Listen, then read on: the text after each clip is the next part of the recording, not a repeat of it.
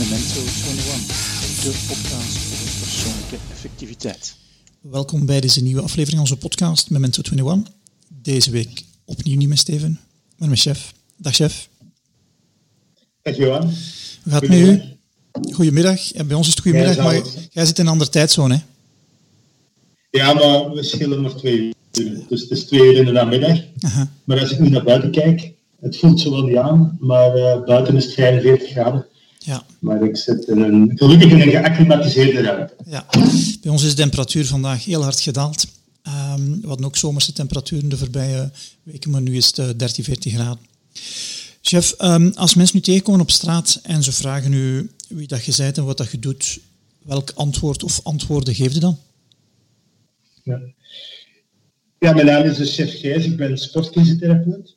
Ik ben ook een ACE Health Coach, dus dat betekent ACE, American Council of Exercises in de, in de US. Ehm, ik heb tussen 2011 en 2015 ook een aantal jaren osteopathie gestudeerd. Ik ben een auteur, ik ben ook een public speaker. En in mijn jeugd ben ik eigenlijk eh, semi-professioneel wielrenner geweest. En daar is eigenlijk eh, het zaadje geplant met hetgeen wat ik vandaag doe. En wat ik onderneem, mijn laatste seizoen van wielrenner, ik was toen 20 jaar. Ik zette alles op de koers en mijn droom was om professioneel eh coureur te worden, om er mijn brood mee te verdienen, zeg maar. En ik had een heel team rondom mij verzameld. En dat team dat bestond uit een sportarts, een kinesist, een trainer, een diëtist. En ik volgde elk advies minutieus op.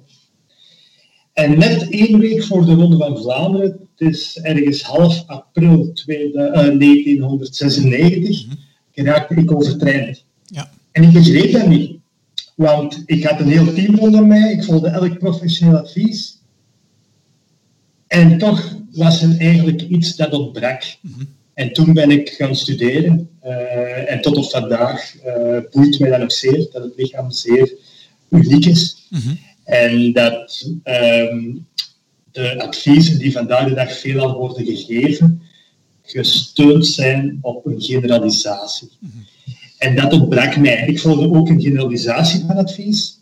Maar die laatste 20%, die individualisatie, hè, die minuscuul. Wanneer moet ik slapen? Wanneer moet ik eten? Wat moet ik eten? Op welk moment? Train ik best in de morgen? Train ik best in de avond? Dat ontbrak. ja. En dat heeft er dus voor gezorgd dat ik eigenlijk ja, overtraind geraak. En eh, ja, dat heeft mij aangezet tot eh, ondertussen 15 jaar eigenaar te zijn van Primefit, een bedrijf in België. En sinds december 2019 ben ik hier in Dubai ook gestart met Rise. ja. En, en, Om ondernemers te faciliteren, om topsporters de lifestyle ehm, te managen, zeg maar. En daarnaast inderdaad ook nog eh, in het military verhaal eh, ben ik actief eh, in België dan voornamelijk, om die mensen hun readiness te verhogen. Ehm, en dat is eigenlijk mijn job. Het, de gezondheid optimaliseren van de medemens op een individuele, op een zo mogelijk individuele manier. Ja, en als je spreekt over de readiness, ehm, is dat een bepaalde waarde? Ik, ik draag bijvoorbeeld een Oura-ring en die meet slaap Fantastisch. en die geeft me ook een readiness. Is iets eh, dergelijks dat die readiness waar je over spreekt is? Ja.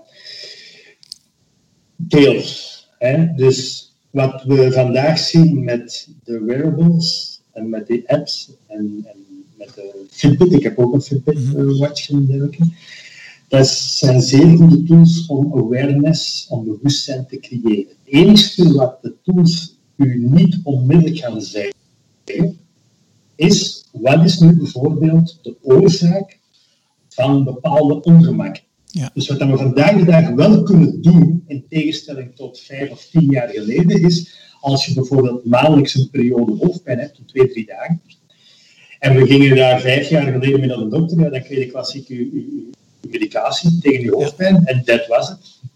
En de dag van vandaag, door die wearables, kun je eigenlijk teruggaan en kun je exact gaan kijken hoe is je slaap geweest, hoe is je beweging geweest, en je kunt voor jezelf bepaalde conclusies gaan treffen. Ja. Maar als we spreken over readiness, dan gaat het voornamelijk over de autonome balans of een balans, een evenwicht hebben in uw, in uw gaspedaal van uw van uw autonoom zenuwstelsel. Dus uw, uw adrenalineknop, zal ik zeggen, uw gaspedaal van uw auto. En aan de andere kant uw rempedaal, uw herstel van uw auto. Ja. En als uw auto meer in je gaspedaal zit, Mhm. dan, is, dan ben je niet ready, maar dan is uw lichaam ook niet in staat om te herstellen. Ja. En ben je veel meer vatbaarder voor allerhande ziektes. En als je weet, Johan, vandaag, en dat is eigen research, ik heb al meer dan 8000 van die testen gedaan, vandaag is gemiddeld 70% van de mensen niet in balans. Die lopen er gewoon, ik zou niet zeggen een zombie bij, want dat lichaam kan wel, we kunnen allemaal wel goed maskeren, zou ik zeggen. We zijn kampioenen van het maskeren. Maar ja, ehm, dat zien we de dag van vandaag. Ze willen ons sport gaan doen, ze willen therapieën gaan volgen, ze willen diëten gaan volgen. Maar de respons van dat lichaam is niet altijd het gewenste resultaat. En mijn inziens is dat te wijten door het feit dat het lichaam start van een onevenwicht. En, en dat onevenwicht, als je zegt we gaan dan meten, dat onevenwicht zoekt u dan eh, op gebied van slaap, op gebied van voeding, op gebied van beweging of op gebied van stress? Of welke factoren spelen daar allemaal een rol in? Dus inderdaad, dan heb je de factoren, de belasting die je zelf kiest. Hè, zoals sport is bijvoorbeeld de enigste stresser in je leven die je 100% zelf bepaalt. Hè. Daarnaast heb je ook eventueel werkbelasting, familiale belasting. Maar nogmaals, wat dat voor de ene persoon een belasting is, is voor de andere persoon een ontspanning. Hè, Het is niet zo dat bijvoorbeeld iedereen dezelfde belasting ervaart. Het is ook niet zo, een belasting dat voor u in het verleden was, dat dat vandaag ook een belasting is. Dus we hebben aan de ene kant belasting die je zelf bepaalt sport, daarnaast werk, familiale eh, stressoren, bepaal je niet altijd zelf. Ja. En aan de andere kant van de balans heb je dus inderdaad, ga je voeding gebruiken als recuperatie, ga je je, je slaap gebruiken hè, als, als recuperatie, Ehm, ga je misschien ontspannende massages eh, gaan inroepen. Ja? En dat is eigenlijk de balans, dat is eigenlijk het evenwicht. Ja? En ja, dat is inderdaad eh, wel belangrijk om daar regelmatig bij stil te staan. Maar de beste factor om dat eigenlijk te weten, we hebben het straks ook een beetje gehad, is de slaap. Hoe kun je weten dat je eigenlijk een beetje uit evenwicht geraakt? Dat is door je slaappatroon eigenlijk te observeren. In de eerste instantie gaat het eigenlijk om, ben je bijvoorbeeld in staat om tussen 0 en 30 minuten in slaap te vallen? Ja. Veel mensen, ja, die zeggen van ja, oké, dat is geen enkel probleem, ik val onmiddellijk in slaap. Maar tegen een uur of twee, drie s'nachts, dan word ik wel plotseling wakker. Dus ah, dat betekent, hè, bij die mensen die plotseling wakker worden rond 2, 3, 4 uur 's morgens, dat is teken dat dat lichaam eigenlijk al in gang geschoten is. Dus er is eigenlijk al een respons van uw adrenaline. Er zijn meestal mensen die s'avonds stik kapot zijn, die daarom dikwijls al voor de tv in slaap vallen, die het nog niet halen om in hun bed te kruipen, maar die vallen dan in slaap. Maar gedurende dan in de ochtend, ja, start dat lichaam uiteindelijk al op. Je krijgt dan de respons van uw adrenaline. En ja, die dagen die beginnen uiteindelijk al van vijf, zes uur s morgens en misschien een dagtaak begint pas om negen uur. Dus ja, dat is eigenlijk een beetje roofbouw. En dan gaan die mensen ook dikwijls ervaren dat die s'avonds, ja, op den duur moeilijker ook in slaap vallen. Ja. Eh, er komt een mentale component bij, ze gaan zich frustreren om die zaak. Ja. En we zijn vertrokken. Dus een goed slaappatroon is eigenlijk ja, binnen het half uur wakker worden en maximum één à twee keer per nacht.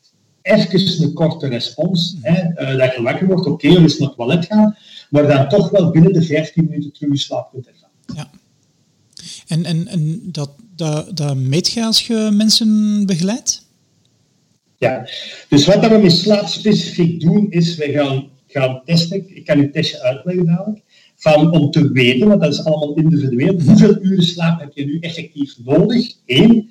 En wanneer moet die slaap vallen? Want als ik bijvoorbeeld tegen u zeg, Johan, oké, een dag is 24 uur, En ik ga u laten slapen, dus uh, ik ga u acht uur laten slapen, tussen bijvoorbeeld twee uur in de namiddag, hè, 2 pm, until, uh, tot tien uur s'avonds. Ja. Dan heeft uw lichaam acht uur geslapen. Maar wat denk je? Ga je lichaam even uitgerust zijn als dat je, alsof dat je dat doet bijvoorbeeld tussen tien uur s'avonds en zes uur s morgens? Denk je? Voor mij helemaal niet. Ik uh, ben nogal iemand... ik weet niet of je dokter Michael Bruce kent van de slaapdokter. Hij zegt dat er vier grote types zijn en ik ben uh, wat dat hij noemt een, een leeuw. Ik, mijn bioritme is vroeg opstaan en ja, tussen 10 en 11 gaan slapen. En ik heb iets van een zeven okay. uur nodig, merk ik. Um, en als de stress wat hoger wordt, heb ik meer slaap nodig. En de meer slaap Ja. Maar dan kun je ook goed slapen. Als de stress wat ah, hoger wordt en de meer slaap nodig, en kun je dan ook goed slapen? Ja, ik, uh, ik, slaap meestal in tussen um, de 5 à 10 minuten. Als ik in bed lig, tussen de 5 en de 10 minuten slaap ik meestal in. Maar ik gebruik een techniek van boxbreathing. Zo, ik leg me neer op, op een slaapinductiemat. Um, en ik doe een boxbreathing en dan na 5 minuten doe ik de mat weg. En dan, ja, ik heb zelden problemen om in slaap te geraken. Het moet al, ja, moet al wel stress zijn om, uh, om, om wakker te liggen. Oké, okay. dat, dat, dat, klinkt zeer, zeer goed. Hè? Maar je ziet er uiteindelijk ook fit uit, hè? als ik jullie zie. Uh, maar wat ik met de luisteraars wil meegeven is in eerste instantie om te weten hoeveel uur slaap dat je nodig hebt. Dan ga je bijvoorbeeld, ik geef een voorbeeld, als je gewoon bent om te gaan slapen om 11 uur, -hmm. ja, wat dat je dan gaat doen, dan ga je eens een keer, hè, dat is gedurende drietal dagen, dan ga je eens een keer gaan in je bed kruipen om 10 uur, je gaat een keer om 11 uur in je bed kruipen en je gaat een keer om 12 uur in je bed kruipen. Ja?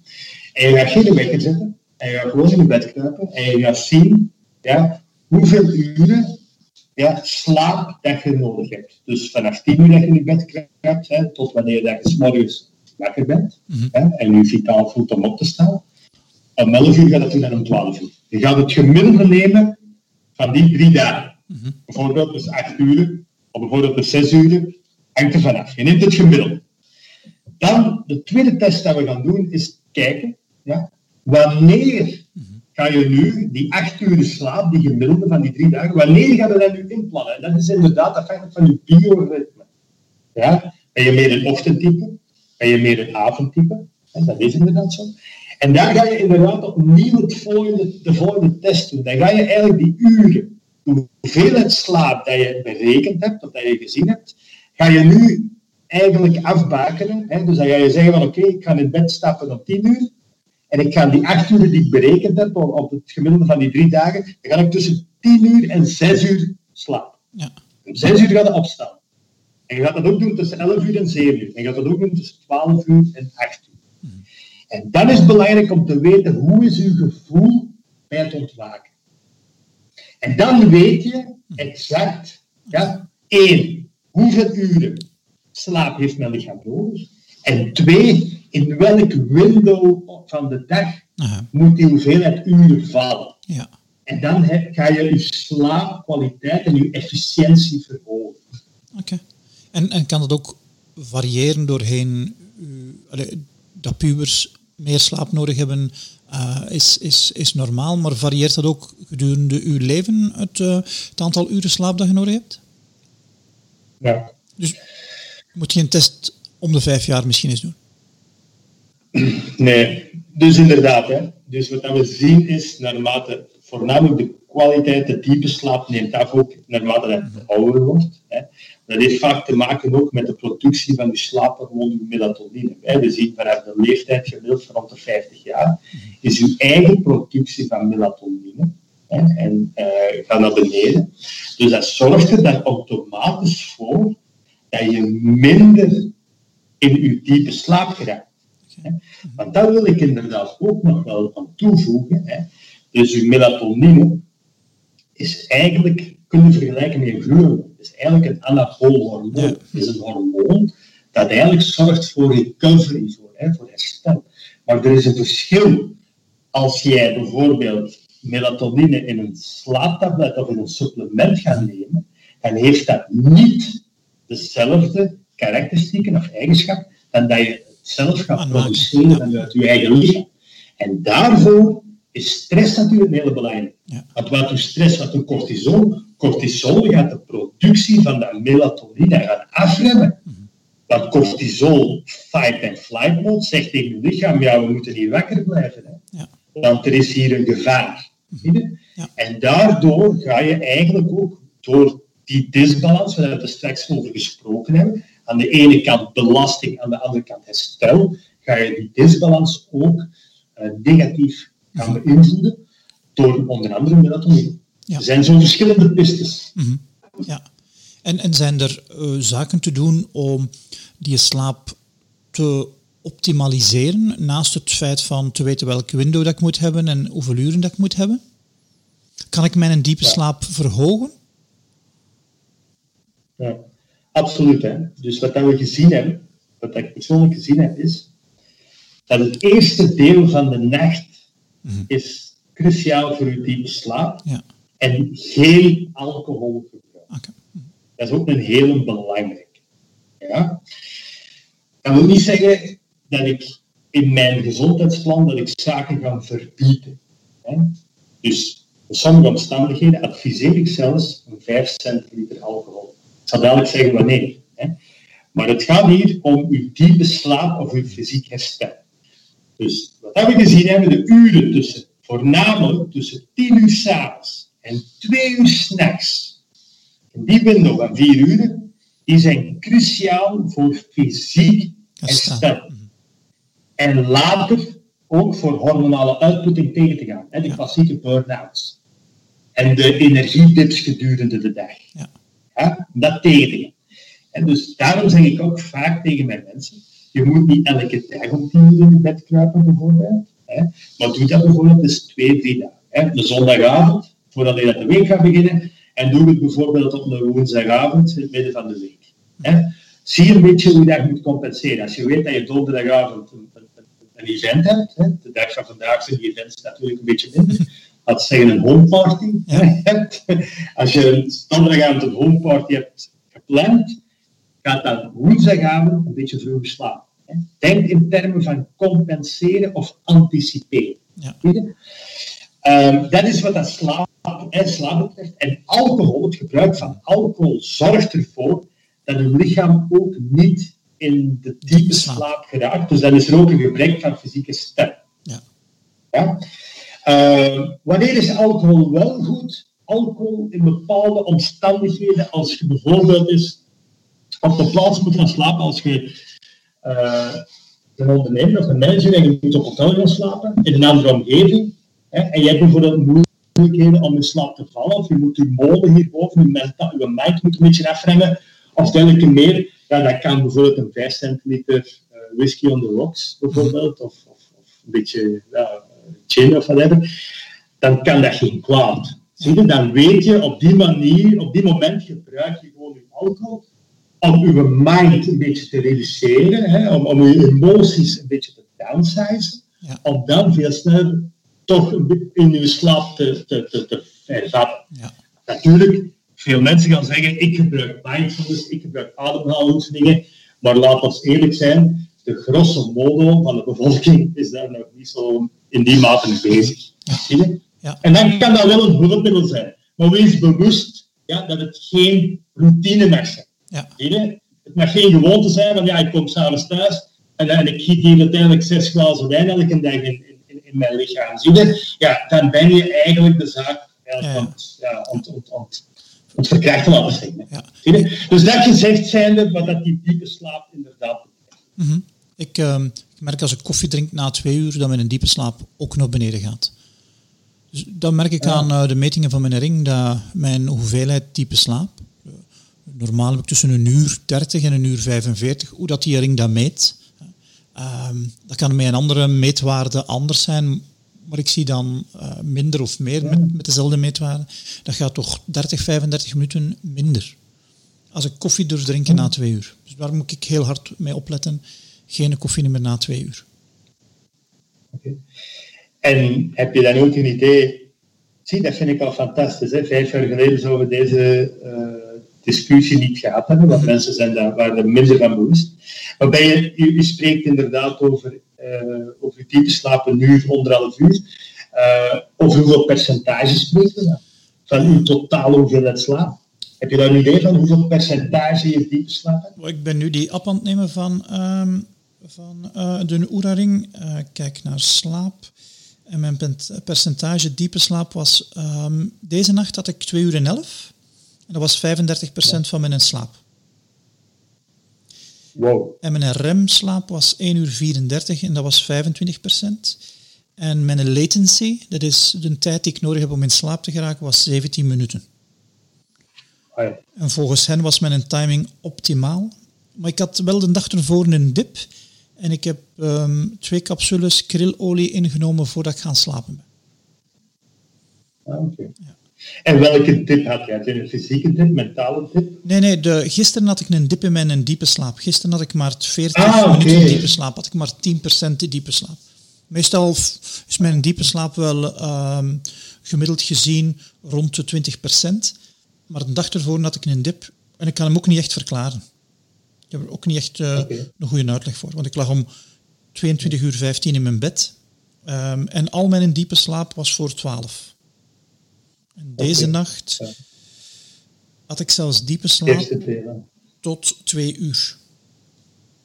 Oké. Okay. Ja, dat is wat ik zeg. Dus dat is het eerste deel van de nacht. Mm -hmm. Gemiddeld moet je rekening houden, want uw 35% dat is uitzonderlijk, heb ik eigenlijk zelfs nog. nog, nog. Ja, dat is misschien afhankelijk van het algoritme die die Oura-ring gebruikt. Hè. Ja. ja, maar Oura-ring is wel goed. Ja. Oura-ring is, is, is zeer betrouwbaar, wat dat betreft. Hoor. Uh, zeker ja, dat gemiddelde diepe slaap zit inderdaad tussen de 15 en de 25 procent, mm. evenals uw renslaap. Ja. En, en, daar gebeurt het. Dus in uw renslaap ga je uw mentale luik gaan herstellen, hè, gaan uw toxines eigenlijk ja. weggespoeld worden in uw brain. En diepe slaap is voornamelijk inderdaad het, het fysieke luik, mm -hmm. het glyfatensysteem, hè, uh, ja. de karwijs ook inderdaad van uw brain. En eigenlijk in die tussenfase, hè, die lichte slaap, daar gebeurt er eigenlijk niks. Ja. De, de, die lichte slaap is eigenlijk de, de overgang van uw rem naar uw diepe slaap. Of van uw mentaal herstel naar uw fys uh, fysiek herstel. Ja. Zo moeten we dat bekijken. Mm -hmm. Het is wel bijzonder dat dat zo ja, in cycli gaat van 90 minuten. Ik denk van, wat is nu uh, in onze evolutie de oorsprong van zo'n systeem geweest? Van in 90 minuten. Hoe komt dat nu? Ja. Er moet ergens een reden voor zijn. Dat bekijken. Ja. Ja daar heb ik inderdaad ook, ook niet, niet, niet dadelijk een verklaring voor. Wat, dat we, eh, wat dat we wel zien is, hè, dus uh, wij proberen elke dag van vandaag met de, ja, met de technologieën, mm -hmm. dat is niet alleen vandaag, dat is ook, dat is ook 50 jaar geleden als we elektriciteit, hè, sinds dat, dat is uitgevonden, ja. uh, dat we inderdaad eigenlijk een vrij regelmatig in heel het jaar ritme kunnen, kunnen garanderen. Maar vroeger, ja, in de winter, dan lag je meer in bed dan, dan in de zomermaanden. Ja. Op dat vlak. Maar, maar die cycli van anderhalf uur, daar heb ik ook niet onder. Ja. Ik heb me ooit laten wijsmaken als je een groep van mensen hebt en die slapen allemaal tegelijkertijd. Um, dat er één moment is van ongeveer 30 minuten dat iedereen in slaap is.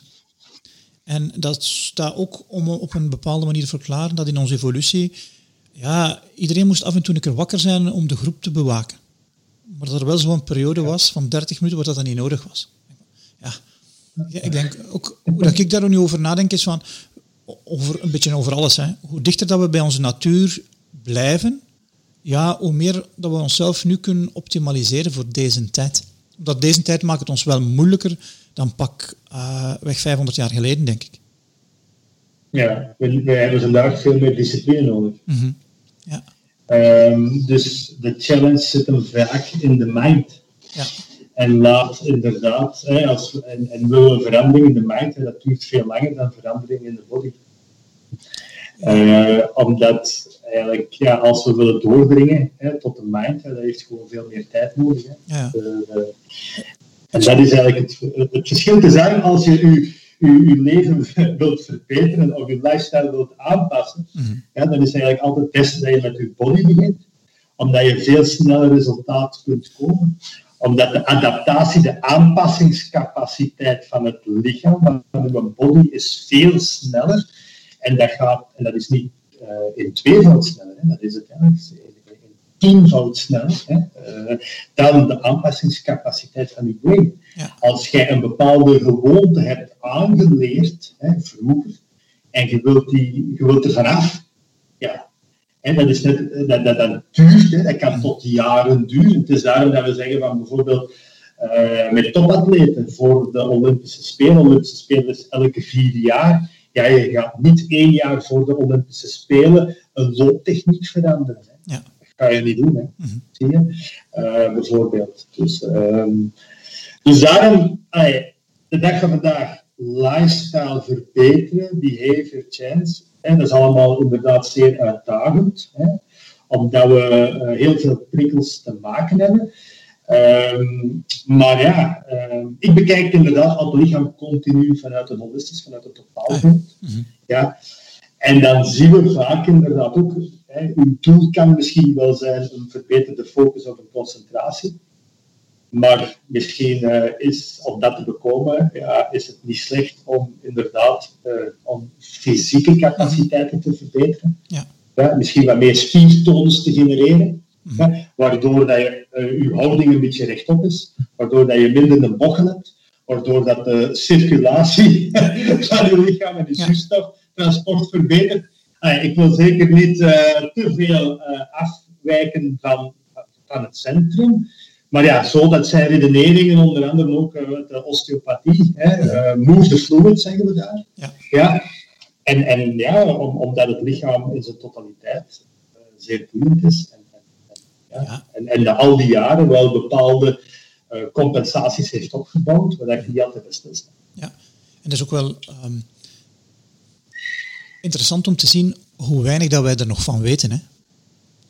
Hoeveel dat er nog te ontdekken is en ideeën die nu waar blijken dat tien jaar geleden of vijftien jaar geleden werden verketterd, die nu dan aangenomen worden. En waarschijnlijk is dat binnen vijftien jaar opnieuw hetzelfde. Hoe weinig dat we echt al weten hoe dat marcheert. Hè? Het is Absoluut. voornamelijk trial and error. Hè? Voilà. Dus dat is echt het goed. Hè. Dus ik heb in het begin in mijn intro heb ik het inderdaad ook gezegd. Hè. Generalisatie is goed, hè, Mhm. tot op 70% Maar het is inderdaad die laatste 20, 30% die individualisatie. Ja. En dat is juist dat je zegt, dat is trial and error. Ja. Zo heeft elk lichaam een ander optimaal stresslevel. Dat is bijvoorbeeld ook boeiend. Ja. Hè. Dus ehm, wat, dat voor, wat dat bijvoorbeeld boeiend is, is eigenlijk hoe gaat je lichaam met stress om? Wist je dat dat te maken bijvoorbeeld ook heeft met je sporthistorie? Wist je dat? Nee. Dat je sporthistorie, sportverleden bijvoorbeeld, is bepalend hoe dat je lichaam stress kan verwerken. Ja. Ik geef, ik geef een voorbeeld. Dat zijn allemaal zaken die ik persoonlijk heb uh, te weten gekomen. Dus daar heeft mij nooit iemand in mijn opleiding klinische therapie, osteopathie, hebben ze nooit gezegd. Dat heb ik te weten gekomen. Maar het lijkt logisch. Dus als we bijvoorbeeld vier categorieën in kaart brengen. We hebben onze sprinter, Mhm. We hebben onze spelsporter, we hebben onze duursporter en we hebben daarnaast iemand, onze sedentair. Ja. Hè, die af en toe wel eens een fiets neemt om naar de bakker te rijden. Ik dus. Ja. Ja, oké. Onze sprinter die is getraind om in zeer korte tijd heel hoge stresspieken aan te kunnen. Mhm. Ja? Dus een sprinter moet in staat zijn om binnen de 10 seconden maximale hartslag te genereren. Ja. Topsnelheid te genereren. Dus ik moet u het niet uitleggen, je kunt onmiddellijk het beeld van uw auto, hè, als je een Ferrari of een Formule 1-wagen, je staat de start, onmiddellijk plancher, Ja. welke impact dat dat heeft op, op de carrosserie, op het lichaam. Hè? Dus daarom de vele blessures en noemen. Hè? Wat dat betekent, hè, dat je sprinter, die is in staat om heel hoog toerental, heel hoge stressoren mee om te kunnen, maar niet lang. Niet lang, want als dat lang is, ja, dan, is, dan gaat je breken, of dan gaat je buigen, of dan gaat er eigenlijk inderdaad gaat er ongemakken genereren. Ja. Bijvoorbeeld in de tijd, Usain Bolt, tijdens de Olympische Spelen, die sliep 14 uur per dag. Ja. Dat is gelijk een kat, dat is gelijk een cheetah. Hè? Een cheetah, ken je de topsnelheid van een cheetah? Nee. 110, 120 per uur. Maar En weet je hoe lang dat hem dat kan volhouden? 300 meter? 300 meter, uh, dan moet ik even... Als je niet een seconde, af een minuut gaan uitdrukken. Ja. dus hij kan een, een, een 10 seconden maximum volhouden. Ja. En hij moet hem zijn prooi hebben. Hè. Dus hij moet hem ready zijn. Hè. Hij moet ready zijn om zijn, hond- zijn topsnelheid te genereren. Ja. Want anders heeft hij niet zijn prooi. Anders moet hem content zijn met die kleine muizen. En hij gaat hem niet kunnen overleven. Maar dat heeft dus gezegd zijn. De rest van de dag, wat doet je Cheetah? Slapen. Ja. Slapen. Recupereren, ja. Dat is uiteindelijk voor onze, voor onze sprinter. Mhm. Onze spelsporter, onze voetballer, onze basketballer, onze volleyballer, ja, dat is een ander ding. Mhm. hè. Dus onze spelsporter, ja, die is eigenlijk gewoon belastingen te genereren tijdens een voetbalmatch. Je hebt soms topsprinten, Mhm. hè, maar dan is er weer een vrije trap of het is een corner en het spel ligt weer stil. Dus die stressoren, die piekstressoren, die worden uitgespeeld over een langere periode, hè, van anderhalf uur tot misschien eh, ja, anderhalf uur. Basketbal is inderdaad ook anderhalf uur of zelfs tot twee uur, omdat de timer eh, soms eh, aan en af gaat. Hè. In de NBA zijn meer, duurt het langer. Hè. Dus dat betekent dat een spelsporter is in staat om, om hogere stress ook aan te kunnen, alhoewel dan meer stresspieken dan onze sprinter. Ja. Ja? Ehm, maar ook de duur is daar beperkt. Mag niet ook geen nette dagen, maar ook geen dagen duren.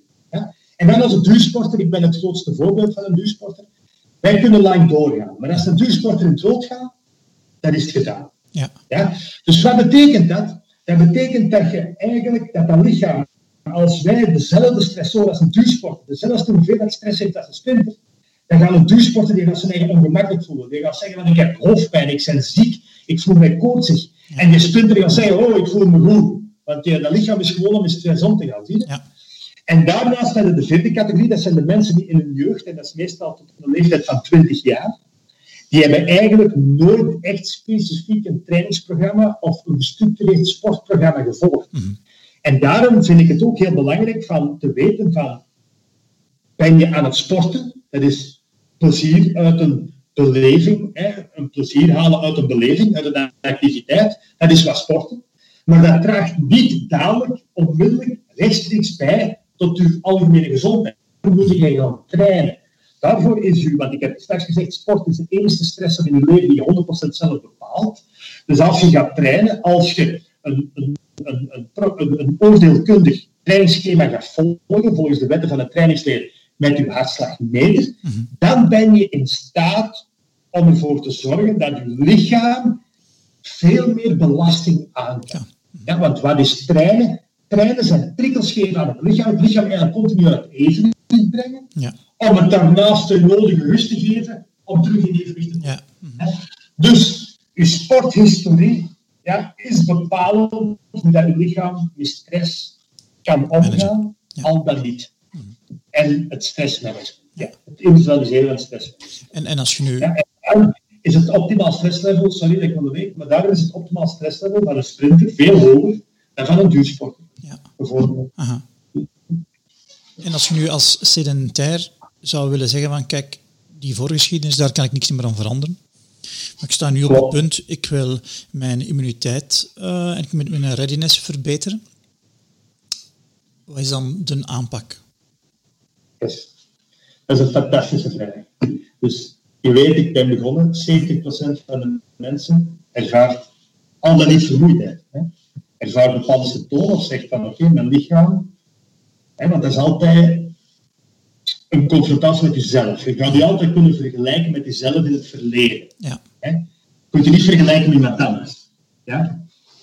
Ehm, dus de uitdaging daar is in eerste instantie, wat ik gezegd heb, is van oké, observeer en wees bewust hoe dat je je dag doorkomt. Ja? In eerste instantie is dat 's ochtends. Ja? Heb je de wekker nodig? Ja of nee? Ja? Als je 's ochtends opstaat, ja, wat is dan het eerste dat je doet? Ga je op zoek naar stimulerende middelen, zoals bijvoorbeeld uw koffie, om wakker te worden? Ja, al die, die zaken. Dat zijn allemaal gewoontes, je staat daar niet bij stil. Maar uw lichaam heeft dat al ingebouwd. Heeft al gezegd van ja, s'morgens, uh, je hebt dat nodig, ja, neem dat uiteindelijk maar. Zet daar bewust van. Als, dat als, als je zo een dag al begint, dan weet je dat eigenlijk dat je eigenlijk met een herstelschuld zit. ja, Dus als je dan wilt gaan denken dat ik wil hier gaan opbouwen, ik wil mijn immuniteit gaan verbeteren, ik wil mijn conditie gaan verbeteren, ik wil gewicht gaan verliezen, Dan, uh... Ik wil kracht gaan lichaam. Mm -hmm. dan, omdat dat lichaam nog in een herstel zit. Ja.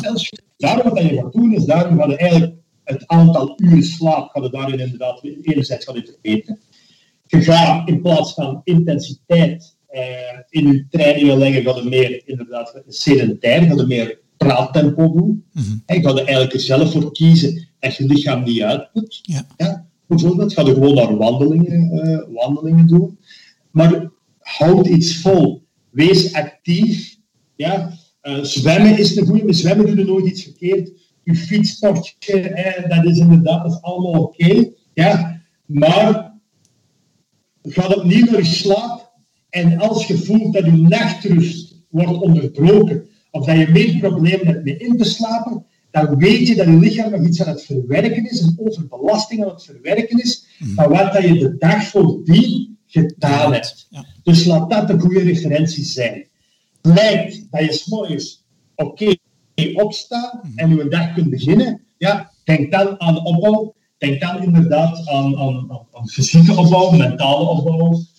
Uh, met voeding. Hè, met voeding denk je, oké, wat wil je? Wil je presteren? Dan ga je meer naar koolhydraten eten. Wil je meer voeding voor herstel? Dan ga je meer naar eiwitten hè, nemen. Hè, daarom dat ik inderdaad op deze zeg van oké, okay, tegen de avond eten meer je eiwitten. Ja, en tegen de ochtend eten meer en smiddags eten meer de koolhydraten. Ah, dat is meer je fuel. Hè. Ja. En je vetten, die kun je uiteindelijk in de twee gerechten uiteindelijk uh, toevoegen. Mhm. ja, omdat koolhydraten en eiwitten eigenlijk twee dominante voedingsstoffen zijn. Hè. Uw eiwitten hebben, hè, die, die Mhm. verteren het beste in een zeer zuur milieu Ja. in de maag. Uw koolhydraten in een minder zuur milieu. Ja, en dat kan soms wel eens vechten. Hè. Dat kan soms wel eens een opgeblazen gevoel geven. Ja, en daarom kun je eigenlijk daarvoor zorgen, kun je je lichaam vergemakkelijken. Ja? En vergemakkelijken is dan inderdaad je eiwitten met je vetten tegen de avond, je koolhydraten met je vetten uiteindelijk meer in de ochtend of in de smiddags. Ja. En dan heb je s morgens en s middags fuel gegeven, heb je s'avonds je recovery gegeven.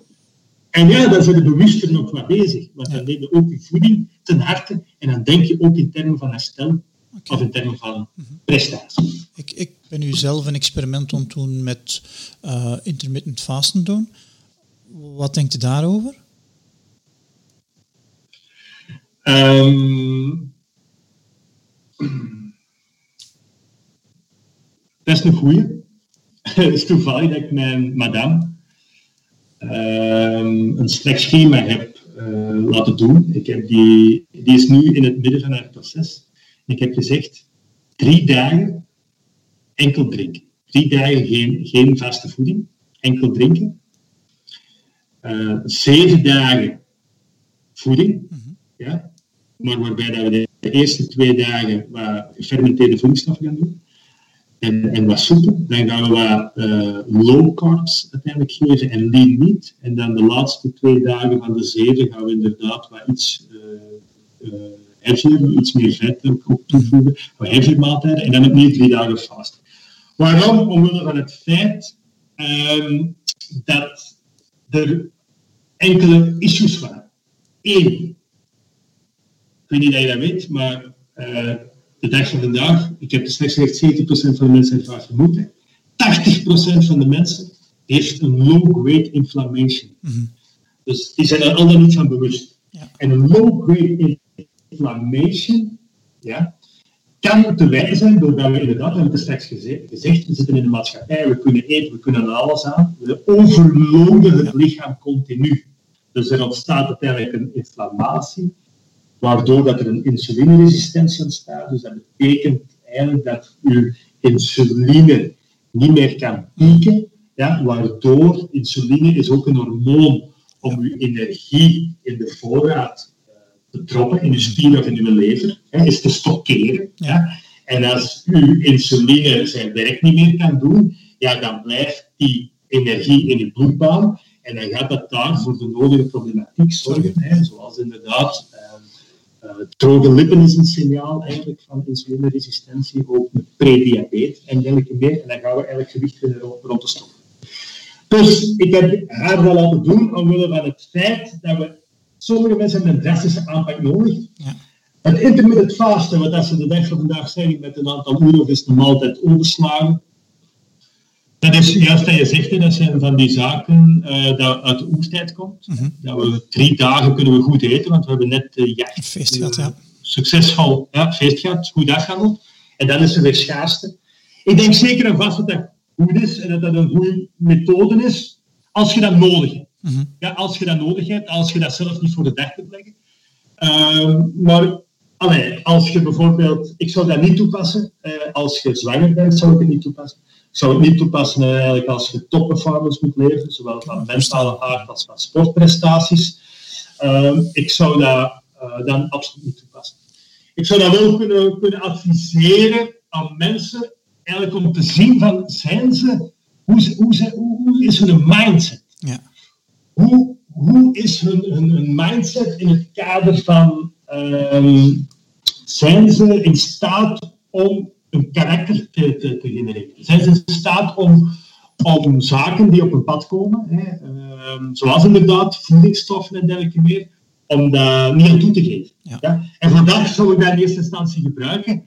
Uh, en wilde daar gezondheidsvoordelen uithalen, zoals ik zeg, inderdaad, uh, daling van uw inflammatie, insulineresistentie naar beneden, uh, laten gaan, stamcellen verbeteren, immuniteit verbeteren. Ja, mhm. maar dan zou ik het wel onder begeleiding doen. Ja. Mhm. Ja, want dan gaan we tot drie, drie, van drie tot vijf dagen, tot zes dagen. Dan zou ik wel eerst kijken of dat het profiel, het biochemisch profiel en dergelijke meer, dat het allemaal wel goed in evenwicht is. Dat je niet in een stressreactie zit. Want opnieuw hetzelfde, als je lichaam in een stressreactie zit, dan zit je in een survival status. Ja, dan ga je absoluut weer niet kunnen, allee, dan ga je ook weer met je lichaam gaan voeding te onthouden, maar ook in stress gaan. Ja. Dus ik zou er wel niet opletten. Um, ik zou daar niet zomaar uh, zeggen van dat is nu weer het middel voor iedereen. Ja. ik zou ook niet even teruggaan van oké, okay, is het lichaam gevoelig voor in stresssituaties te gaan, ja of nee? Um, en, en, en, en gaande van, van, van uw autonome balans, dus uw fysiologische status en daarnaast uw biochemische status, hè, hoe dat uw mineralenprofiel zijn en dergelijke meer allemaal, zou ik dat dan inderdaad wel kunnen adviseren. Maar anders ja, zou ik het inderdaad, trap dat vroeger in uw bed, zou ik zeggen. En, en, en, en wees een beetje actiever, ja, in die zin van, van slaag je een hartslagmeter aan en, en ga inderdaad elke dag uh, wat wandelen of wat fietsen. Ja. ja. een half uur tot een uur in een lage hartslagzone. En gebruik dat in eerste instantie om je wat actiever te brengen. En dan kun je gaan naar zo'n zo Oké. Okay. Dat is mijn advies. Ja, als je zegt van eh, we doen een aantal metingen, kan ik me ook voorstellen dat je een aantal bloedwaarden uh, neemt? Ja, dus ja, ik ben geen arts, hè, dus um, ik neem geen bloedwaarden af. Uh, voor sommige zaken bloed. Je moet altijd zo voorstellen, een lichaam gaat eigenlijk, um, als, je, als je tekorten hebt in je bloed, dan is je lichaam gemiddeld al drie maanden in overdrijf. Ja. ja. want je lichaam wil zo lang mogelijk een normaal beeld laten uitschijnen. Voor mij is een bloedprofiel heeft absoluut zijn nut hè, voor artsen om op zoek te gaan naar bepaalde ziektes en afwijkingen. Ja.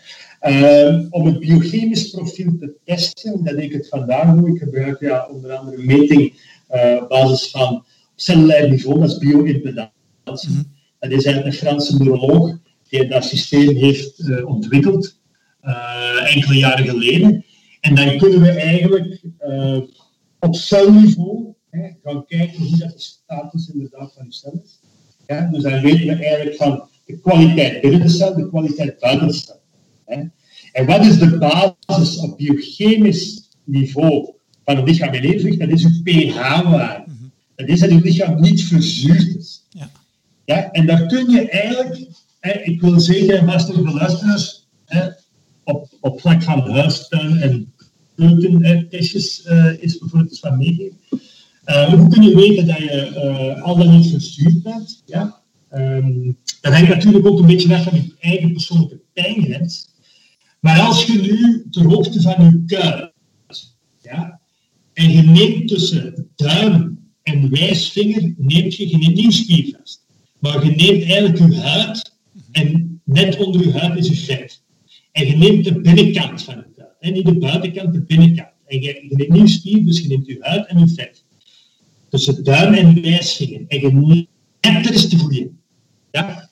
En als je dan zoiets hebt van, ah, dat pitcht maar, ja, dat geeft een teken dat je kans dat je verzuurd bent is reëel.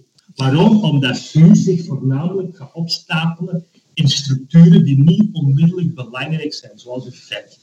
En, ah, ik zal zeggen, vet is wel belangrijk, ja, maar is eerder een isolatie. Maar, hè, dus als je zuur zou opstapelen in het neurologisch systeem, ja, dat, dat zou veel fatalere gevolgen hebben.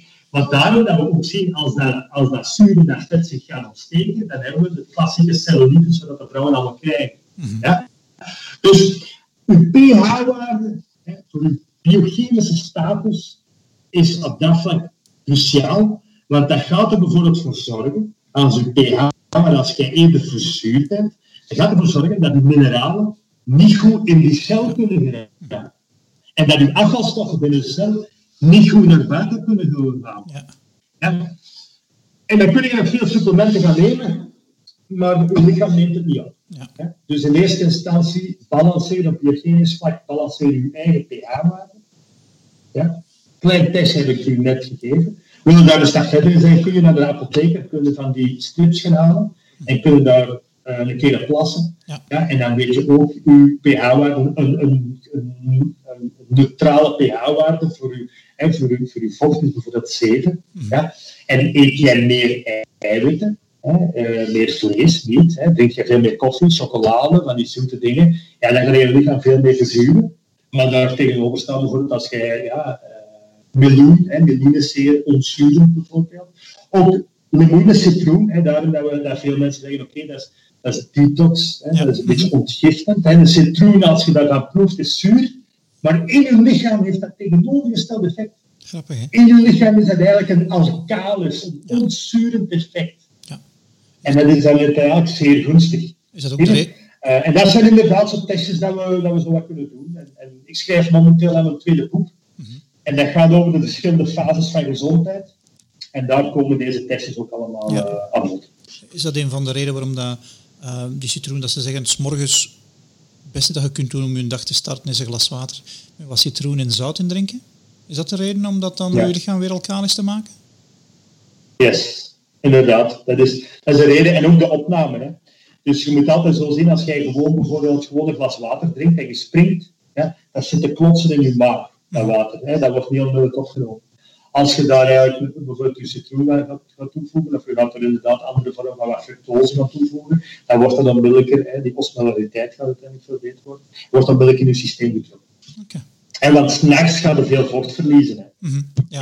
Je zweet, ademhaling. En dan gaat het morgens het eerste wat je doet, is het eigenlijk weer terug ja. uh, voor balans herstellen. En veel mensen lachen ermee als ik dat vertel, maar ik plak mijn mond dicht als ik ga slapen. Fantastisch. En als ik dat doe en ik weeg mij, dan merk ik van, als ik mijn mond heb dichtgeplakt, dan ben ik 500 gram minder verloren gedurende de nacht. Is ja. dat uh, goed voor mijn uh, balans in mijn lichaam? Ja, dat is eigenlijk eh, de techniek van Buteco. Ja, van Buteco, ja. Ja, ja. ja, ja. absoluut. Hè. Dus uh, wat dat we gezien hebben, of wat dat gezien heeft, die, die kwam eigenlijk... Uh, Rusland, hè? Intensive, ja, intensive care. Ja. En dat is ook nog niet naar herstellen. Dus wat het is inderdaad goed, dat is dat je eigenlijk... je gaat via, ja, via de neus, de mond gaan aflaten, via de neus gaat mm -hmm. inderdaad de, de, balans tussen O2 en CO2 wordt daardoor eigenlijk veel beter in, in, in, in, evenwicht gebracht, zal ik zeggen. Um, want er zijn inderdaad ook bepaalde allergieën hè, die gevoelig zijn hè, aan, aan histamine. En histamine-uiting een nitrieten, nitraat. En dat is ook allemaal, dus daarom dat we zeggen van inderdaad ademhalingsoefening is ook een ontzurend effect. Okay, ja. ja? Uh, en door uw mond uh, dicht te plakken, gaat het eigenlijk is voornamelijk gericht eigenlijk op uw O2, zuurstof en CO2. Hè, uw, uw, uw stikstof, mm -hmm. die balans eigenlijk herstellen. Ja. ja. En dat geeft u eigenlijk onbewust, geeft, gaat u dat ook waarschijnlijk gaat u dat energie opleveren. Mm -hmm. Dat is een van de... Uh, dat zijn kleine procenten natuurlijk ja. allemaal. Hè. Maar dit is een van de, de dingen, als ik het twee dagen of drie dagen, drie nachten niet doe, dan word ik het morgens wel gewaar. Zoiets dat bij mij heel, heel duidelijk is. Hey, Johan, je bent weer de plakker vergeten. Ja, Maar dat is inderdaad, dat is eigenlijk het herstel dat ik net gezegd heb, dat is Mhm. O2, CO2. Ja. En, en dat heeft dan inderdaad wel op energetisch vlak, ja, op, op, op celniveau, vlak van mitochondriën, heeft Ja. dat wel inderdaad een zeer, eh, zeer fantastische eh, toegevoegde waarde. Ja, Maar dat zijn eigenlijk allemaal tips, dat, dat zijn voor mij al zeer uh, allee, verder vorderde tips, zal ik zeggen. En, zie je? Dus, dus dat is al voor mij zulke zaken, dat zullen we gaan toevoegen of zullen we geven van het moment dat we weten van oké, slaapt hem voldoende. ja, ja. Eet hem genoeg. Ja. Drinkt hem voldoende. Zie je? Als die basis er is, dan kun je naar zulke zaken gaan. Maar ik vind het fantastisch. Eh, als mensen daar op deze manier mee bezig zijn, eh, ja, dat, dat, dat geeft hen gewoon eh, krediet. En dan zijn je gewoon je spaarrekening van je lichaam aan het ja. Zo moet het zijn. ja. Maar je zei dat straks... Human long, longevity. Ja, ik volg daar uh, Dr. Pieter Etia. Dat is mijn favoriet uh, over longevity. Okay. Die doet daar toch wel um, ook een hele goede uh, een hele goede blog en een hele goede podcast over ja, wat je allemaal kunt doen om langer te leven en op latere leeftijd ook nog energie te hebben. En hij noemt het, uh, hij wil als hem 100 jaar is ook nog de Centenarian Games kunnen spelen. Hij heeft zo 19 zaken opgelijst die als hem 100 is, dat hem nog wil kunnen doen. Gaande van zijn achterkleinkinderen nog opnemen en dan zegt hij, ja, wat moet ik dan nu doen om daar te geraken? Of ik een hele toffe zienswijze van, oké, um, een kleine oprapen, ja, dan zal ik toch wel moeten oefenen, squatten met kettlebells om dat nu nog te trainen en om dat nog te kunnen. Een, een dat is tof, anticiperen. Ja, een heel dat tof is anticiperen wat dat gaat komen. En dat is inderdaad, dat is een mentaliteit dat we eigenlijk ja, in Vlaanderen niet altijd met de paplepel hebben meegekregen. Hè? Want in Vlaanderen, laten we zeggen, hè, dat heeft niet altijd uh, zijn nadelen, is voordelen ook. Hè? Het socialistisch systeem. Hè? Ik bedoel, als we morgen ziek worden, ja, iedereen staat klaar. Ja. We gaan niet onmiddellijk loonverlies hebben. Ja. Je kunt gaan naar de, naar de beste specialist waar je wilt. heeft allemaal zijn voordelen. Ja. Maar aan de andere kant, inderdaad, als je u daar wat laat... Uh, zeg, als je niet die bewustzijn en niet handelen in je eigen gezondheid, niet dat terug in je eigen handen gaat nemen, ja, dan, dan, dan, dan, dan, ja, dan, dan, dan zou ik zeggen, dan, dan ben je niet echt een slachtoffer, maar dan ben je eigenlijk ja, op een duur een speelbal van, ja, van, van, van de context waar je in zit. Ja, van genees, mm-hmm.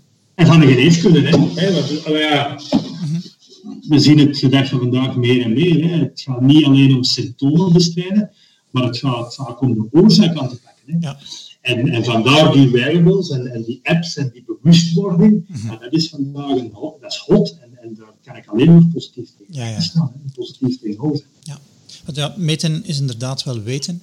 En dan kun je ook wel dingen experimenteren en kijken of dat er vooruitgang is. Hè. En niks is zo plezant als vooruitgang zien. Hè. Absoluut. Het punt is, ik zeg altijd, uh, meten is weten, maar ik, ik draai het altijd aan. Ik zeg altijd, weten is weten. Vanuit uw kennis ga je testen. Want daar heb ik nog een mooi verhaal over. Dat was eigenlijk in, in 19, toen als ik wielrenner was, in 1992. Mm-hmm. Ik had gespaard voor zo'n hartslagmeter. Dat was toen een sporttester van Polar. Dat was, dat was toen 20.000 frank. Ja. Dat was 500 euro. Dat was, dat was enorm veel geld. Uh-huh. Maar ik had toen niemand, want dat is altijd zo de dag van vandaag ook. Er is eerst de technologie. En dan pas gaat de wetenschap Ja. komen. Hè? Pas gaan ze eigenlijk gaan investeren. Hoe moeten we nu met die technologie gaan omgaan? Ja.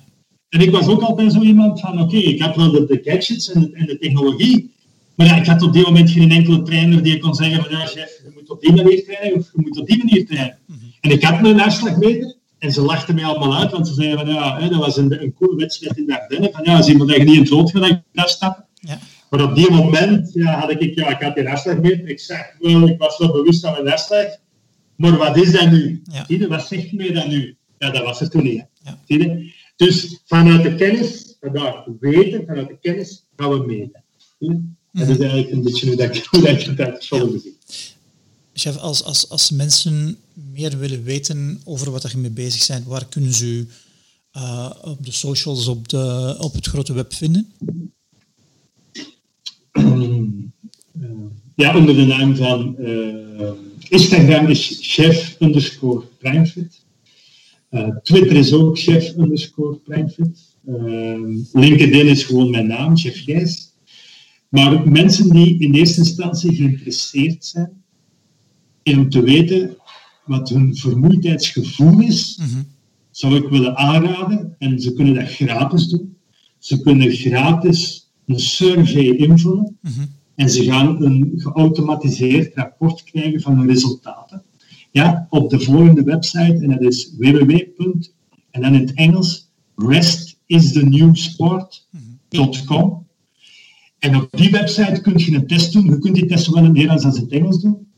En dat zijn twintig vragen. En dan ga je het gevoel van uw vermoeidheid in kaart brengen. Mhm. Hormonaal, fysiek, mentaal, metabool. En dan gaat het niet alleen het type vermoeidheid, maar ook de hoeveelheid in kaart. Ja. ja? En laat dat dan nou inderdaad een bijdrage, mijn bijdrage zijn, of onze bijdrage hier vandaag voor de luisteraars, van een, opnieuw een bewustwording ja. van hun status. Is een lichaam in staat om onmiddellijk te denken in termen van prestatie? Oké, go all the way, zal ik mhm. zeggen. Ja? Of zien we dat het lichaam inderdaad vermoeidheid aanwezig is, denk eerst in termen van herstel. Ja. En dat is een enorme belangrijke boodschap. Okay. En daar gaan, dat ik zeg van eerst rusten. En dat is inderdaad de titel van het boek. En dan doe je nooit iets verkeerd. Ja. Is er nog iets anders dat je wilt vertellen aan ons luisteraars, uh, Jeff?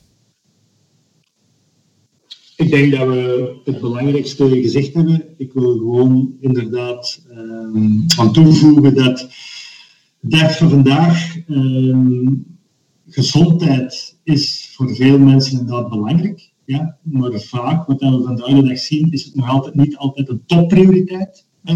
In corporate settings en dergelijke meer. Um, dus wacht niet op uw omgeving mhm. om uh, uh, uw gezondheid te verbeteren, maar uh, ga er zelf voor. neem een coach of een professional in de hand. vraag, stel vragen.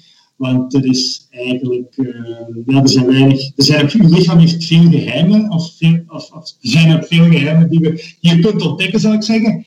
Um, ga in eerste instantie alleen op zoek, maar anders neem een professional um, en, en ja, go for it. En het is, all, ja, take it and, and it's all yours. En enjoy the rest of your life. Oké, okay, dankjewel, chef.